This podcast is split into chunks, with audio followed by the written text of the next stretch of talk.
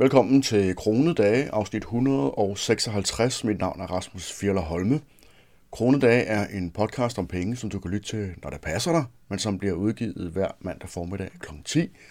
Kronedage handler som sagt om penge, det vil sige budgetlægning, investering, opsparing af hverdagen og alt, hvad der er relevant for, at vi kan opnå så høj økonomisk frihed som muligt på så kort tid som muligt. Kronedage er et holdt i luften af folk som dig, der lytter med – og øh, hvis du gerne vil være med til at sørge for, at den fortsætter langt ud i fremtiden, jamen, så kan du jo, dels så kan du vælge at dele et afsnit eller to med nogen, som du tænker kunne være interesseret i at høre lidt om, hvad det nu er for et emne, du deler med dem. Og på den måde så får øh, vi spredt øh, forståelsen for privatøkonomi og investering, så, så mange som muligt kan have en, øh,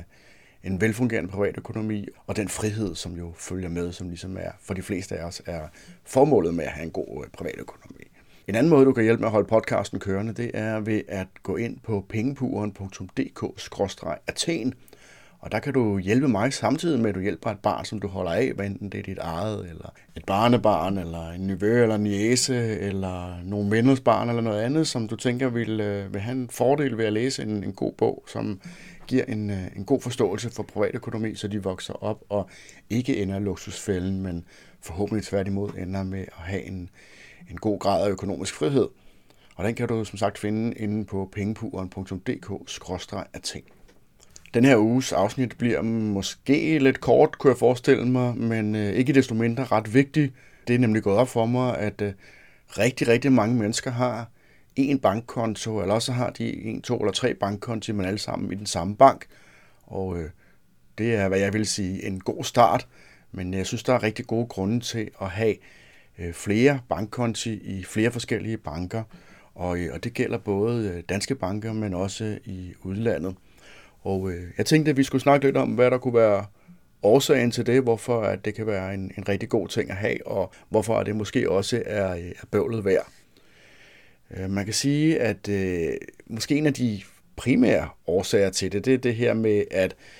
øh, hvis man har en anden bankkonto, hvor man ligesom smider noget af sin opsparing ind på, og det kan for eksempel være nødopsparing eller opsparing til en bil eller en rejse eller noget andet den stil.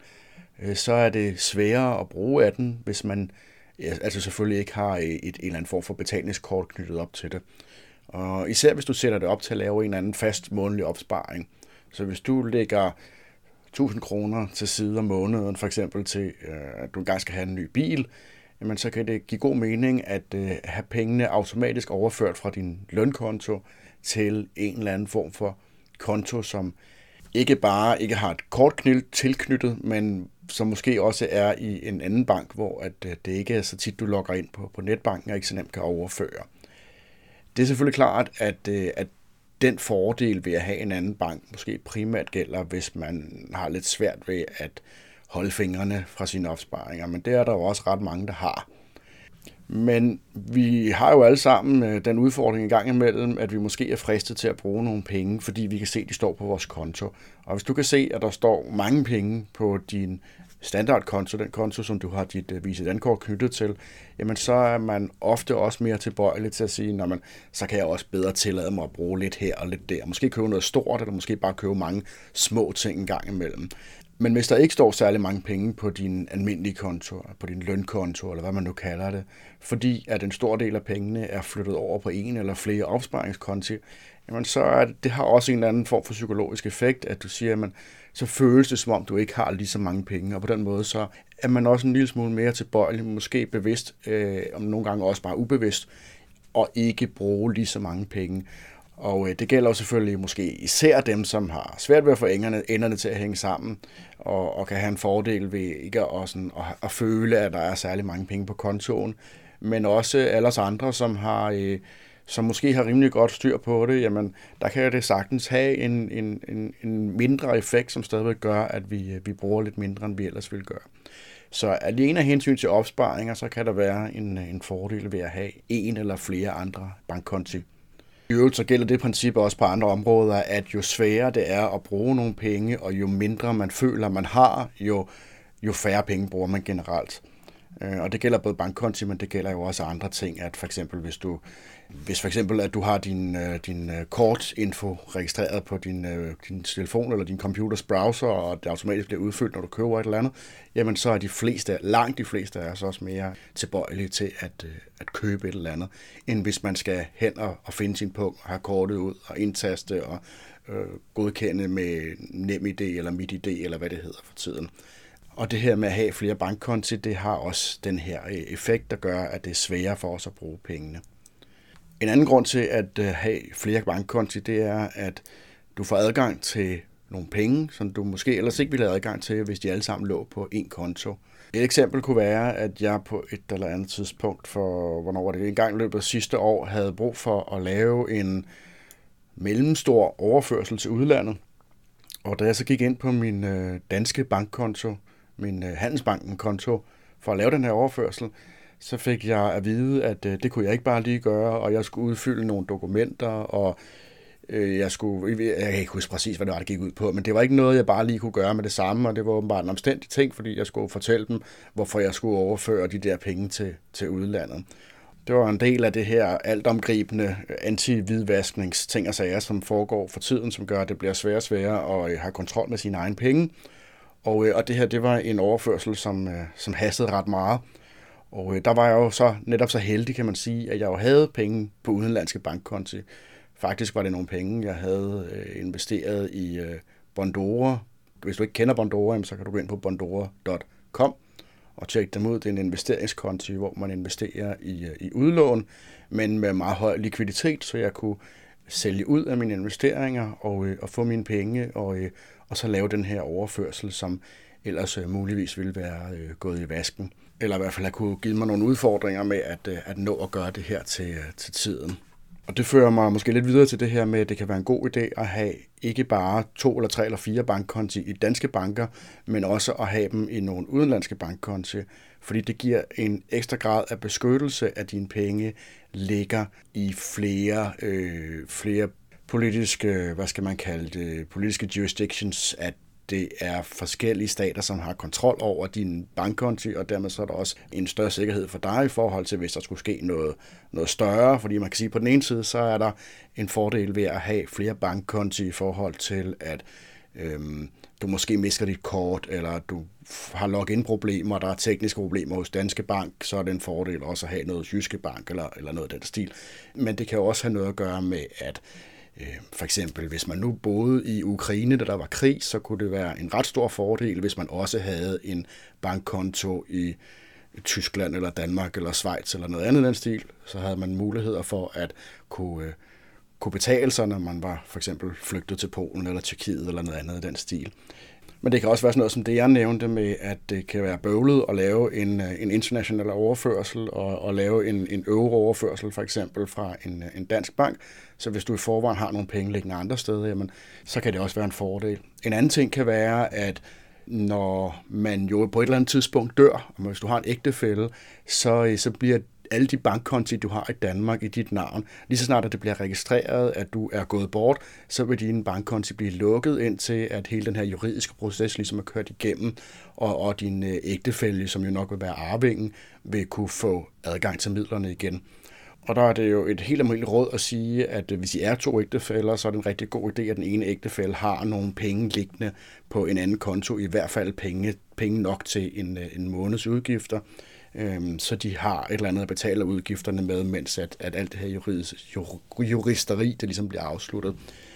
Men hvis du har dine penge i udlandet, jamen så vil du i de fleste tilfælde heller ikke få lukket din bankkonto, øh, fordi de ikke bliver informeret om, at du er gået bort. Og det kan også være en måde at, øh, at sikre øh, sin ægtefælde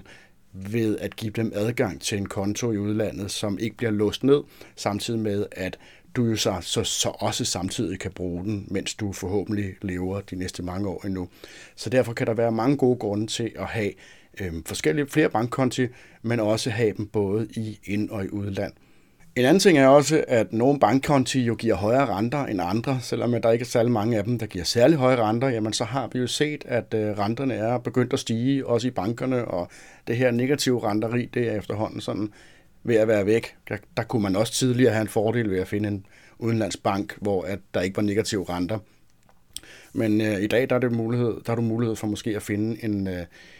det kan være en, en bankkonto, som bliver låst over en længere periode med penge, som du ikke kommer til at bruge. Men det kan også være sådan noget som, jeg ved, Bank Norwegian har en, det, de kalder en opsparingskonto, som i bund og grund bare er en bankkonto, hvor du kan hæve og sætte ind, som det passer dig, hvor renten den er halvanden procent eller noget af den stil. Det kan godt være, at du en eller anden grund ikke har lyst til at øh, have en Norwegian-konto til din, øh, til din lønkonto, og, og sådan til din daglige arbejde eller daglige øh, pengeadministration. Men måske har du en del penge, som du har opsparet, og øh, du skal bruge dem på et eller andet tidspunkt i en nogenlunde nærmere fremtid, så du har ikke lyst til at investere dem i et eller andet aktier eller noget andet, hvor at at de jo kan falde, mens du venter på, at øh, du rent faktisk skal bruge dem til noget, men der kunne det være en fordel måske at, øh, at flytte dem over på for eksempel Bank Norwegian og få de der halvanden procent, som, eller 1,25 eller 1,75 eller hvad det nu er, som jo ikke er vildt meget, men, øh, men der er stadigvæk bedre end at have 0 procent, kan man sige. Så det kan også være en grund til at have en, en anden bankkonto, altså finde en, en konto, hvor at du får så meget rente som overhovedet muligt. Og øh, en sidste grund til at have en, øh, en ekstra bankkonto, det er at have i virkeligheden en investeringskonto. Jeg tror ikke, der er så mange, der tænker over det, men hvis man har en konto hos Saxo Bank eller hos Nordnet, så, øh, så har du teknisk set også en bankkonto hos dem. Og her fører du jo penge over på den konto, for at du kan lave dine investeringer. Nogle gør det også i deres egen bank, men hvis ikke man bruger sin egen bank, eller hvis man hellere vil bruge nogle af de her andre investeringsmuligheder eller investeringsbanker, hvor at du ofte betaler en lavere kortage og ikke betaler et offentligt, et, et, offentligt, et, et, et årligt eller en månedligt gebyr, jamen så kan det jo også være en god idé at have netop en investeringsbankkonto hos for eksempel Nordnet eller Saxo Bank. Der findes jo også nogle enkelte andre. Øh, og fordelen ved at måske overføre flere penge til dem, det er, at du også har pengene på investeringskontoen, lige så snart, at du gerne vil købe dem. Så du ikke, for eksempel, Mm, et eksempel kunne være, at jeg har jo en, øh, en konto i øh, en øh, guldforhandler, en svejsisk guldforhandler, og øh, jeg skulle overføre, jeg havde fået nogle penge ind på kontoen, som jeg ville overføre til den konto for at købe noget mere guld. Desværre så går der jo, jeg tror det gik to dage eller sådan noget, før pengene de blev overført, og i mellemtiden så steg guldet helt enormt. Så øh, jeg fik mistet lidt den her entusiasme efter at købe, øh, købe guld til, hvad jeg synes var en øh, god pris, og endte med at måtte købe det til, hvad jeg synes måske er lidt højt, men det er jo selvfølgelig svært at sige. Så en fordel ved at have en bankkonto i form af en investeringskonto, det er også, at du har mulighed for at, øh, at handle lidt hurtigt. Det er selvfølgelig også en ulempe, kan man sige, hvis man har en,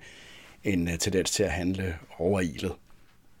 Der er selvfølgelig også andre ulemper forbundet med at have mere end, en end en bankkonto, og øh, måske den primære, i hvert fald i min optik, det er, at jo flere bankkonti har, du har, jo sværere er det at holde styr på dem.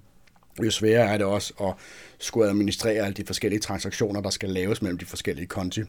Især gælder det måske, hvis du har et budget, som du sådan holder ret meget hånd i hanke med. Man kan sige, at mange har jo også en konto, en budgetkonto, hvor at den ligesom dækker alle de løbende omkostninger, som er ved at være i live, man så må sige Øh, alle de øh, faste udgifter. Øh, men hvis du har et, et, et rigtigt budget, der ligesom følger alle dine udgifter og dine indtægter, jamen så kan det være endnu sværere at, at holde styr på det, hvis du har mange forskellige konti, hvor du måske skal ind og tjekke her og tjekke der og tjekke der, hvor mange penge du egentlig har og sådan nogle ting. Så det kan være administrativt en lille smule besværligt. En anden ting er også, at man jo skal lave nogle forskellige overførsler frem og tilbage, og det kan også være en, en lille smule bøvlet. Især hvis det er flere konti, som du bruger regelmæssigt, og det ligesom skal give der skal ligesom være penge på kontoen hele tiden, så kan der også være lidt frem og tilbage. Det ved jeg især for eksempel fra min firmakonto, at jeg har en WISE-konto med internationale valutaer, og så har jeg en, en dansk firmakonto, og i øvrigt også en holdingkonto, så der er en, en del frem og tilbage, og det kan godt være en lille smule bøvlet. Måske det er især bøvlet, når man laver når det er via firma, fordi så skal du lave regnskab på det, og så skal det hele hænge sammen, og så er der flere transaktioner og sådan nogle ting. Men det kan også være en lille smule bøvlet, hvis man skal lave mange øh, transaktioner i, øh, i privat regi, om man så må sige. Oven i det, så kan der selvfølgelig også godt være nogle omkostninger forbundet med at have en bankkonto. Og det gælder selvfølgelig især, hvis det er en firmakonto, hvor de fleste private bankkonti, de koster, koster gratis, som man så må sige. Øh, men der kan selvfølgelig, eller der er altid mange andre gebyrer forbundet med, hvis man vil handle aktier, eller hvis man vil veksle til andre valutaer, eller overføre til udlandet, alle sådan nogle ting. Så det er selvfølgelig også noget, der kan være værd at overveje, men generelt set, så tænker jeg, at de største ulemper ved at have flere konti, det er sådan det administrative. Og øh, hvis man kigger på fordelene, der er ved at have det, hvis du nogensinde har stået i en situation, hvor du havde brug for at have nogle penge, og du ikke havde adgang til de penge, der var på din ene bankkonto, så ved du også godt, hvor rart det er at have flere. Eventuelt i to forskellige danske banker, men også meget gerne have nogen øh, i udlandet, så du på den måde kan få en, øh, en højere grad af økonomisk tryghed, om man så må sige, men at du også samtidig har mulighed for at øh, dels måske sænke nogle af dine udgifter, men også optimere nogle af dine indtægter, så du kan få en lidt højere rente, og så du har måske... Og når en anden ting er også, at du kan jo nogle gange have gavn af, at nogle banker de tilbyder en eller anden form for øh, fordel, hvor du får noget rabat et eller andet sted, eller du for eksempel hos Norwegian kan få, øh, få Norwegian kort, øh, Norwegian point, så du kan komme ud og rejse billigere, eller sådan noget som øh, Coop, der har du mulighed for at få de der Coop point, så du kan få lidt rabat på kvitteringen i brusen. Så der er mange fordele ved at have flere banker, og jeg synes, at det, det er værd for de fleste af os at bruge en lille smule tid på lige at finde ud af, hvad kunne vi have interesse i, hvad kunne vi have fordele ved, og øh, hvor vil jeg gerne oprette en konto. Og hvis det ikke koster det videre, det videre. Hvis det ikke koster noget videre, eller noget overhovedet, jamen så synes jeg næsten ikke, der er nogen grund til ikke at gøre det. Det var sådan set dagens afsnit af Kronedage, og øh, hvis du kan bruge det til noget, så håber jeg, at du dels vil oprette nogle flere bankkonti, men at øh, du samtidig også vil hjælpe mig, samtidig med, at du hjælper et barn, som du holder af, og det kan du gøre ved at finde bogen Den rigeste dreng i Athen, som også er for piger i øvrigt, og den kan du finde inde på pengepuren.dk-athen. Ellers så er der bare at sige tusind tak, fordi du lytter med, og pas godt på jer selv derude.